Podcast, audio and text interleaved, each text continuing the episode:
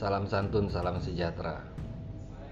Kedatangan saya di Sumatera uh, untuk menemui seorang sahabat nih, seorang teman.